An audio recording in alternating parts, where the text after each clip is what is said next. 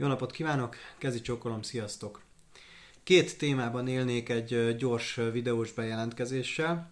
Az egyik az az égetés és zöld hulladék kérdése, a másik pedig a repülőgép zaj, ami sokakat foglalkoztat az elmúlt időszakban.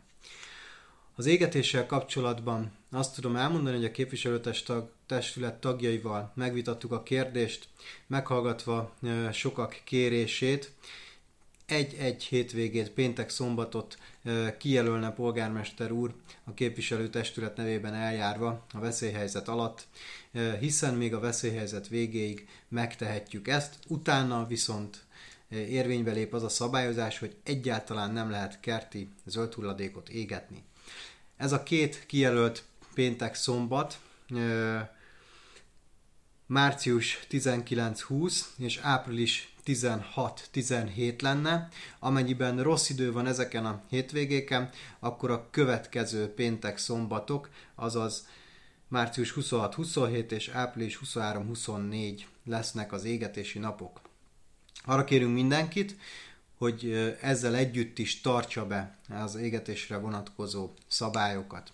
A zöld hulladék kezelés kapcsán amíg hosszú távú megoldást nem találunk saját komposztálóval, kezelővel, addig egyrészt arra kérjük Önöket, hogy a, ott az otthon, a kertben keletkező ö, egyszerűbb zöld hulladékot, füvet, levelet lehetőségükhöz mérten mindenki otthon komposztálja.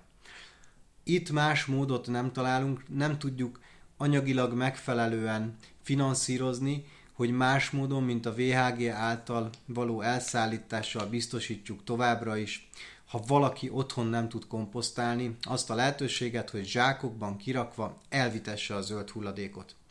Amiben viszont partner tud lenni az önkormányzati cég, az az, hogy amennyiben elkészül a telephelye, ott beszállítással, té valamit térítési díj ellenében átvegye a fásszárú növények, zöld hulladékoknak a, a darálását, és ott erre lehetőség nyíljon lakossági oldalról is. Sőt, további térítési díj ellenében a házhoz ö, kimenetelt és az onnan való elszállítást is a cégünk ö, valamely részben tudná vállalni. Nyilván ezek pénzbe kerülnek, ö, munkaidő és nyilván egyéb anyagi ráfordítással is járnak, így ezek természetesen ingyenesen nem biztosíthatóak.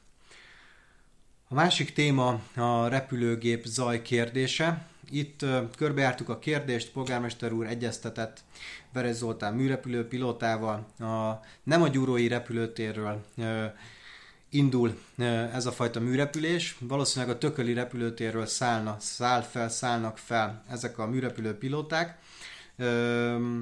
A jogszabályi háttér felderítését is megkezdtük, jegyzőasszony beleásta magát, elindulunk a minisztérium irányába, hogy a légtér kijelölés ne tegye lehetővé Martomásár légterében ezt a fajta műrepülést. Egyelőre aláírásgyűjtéssel nem számolunk, de még arra is szükség lehet a későbbiekben. Most viszont azt kérnénk önöktől, azoktól, akiknek megfelelő távcsöve van, vagy olyan teleobjektíves fényképezőgépe, hogy láthatóak ezek a repülők vagy repülő, hogy a Lajstrom számot próbáljuk meg leolvasni. Ez eddig még nem sikerült, ezért arra kérjük azokat, akiknek erre módjuk van, hogy segítsenek ebben, hogy egyfajta polgári kezdeményezéssel ténylegesen el tudjunk indulni azon az úton, hogy ettől a repülőgép zajtól legalább a vasárnapi ebéd mellett megszabaduljunk. Köszönöm a figyelmet, vigyázzanak magukra!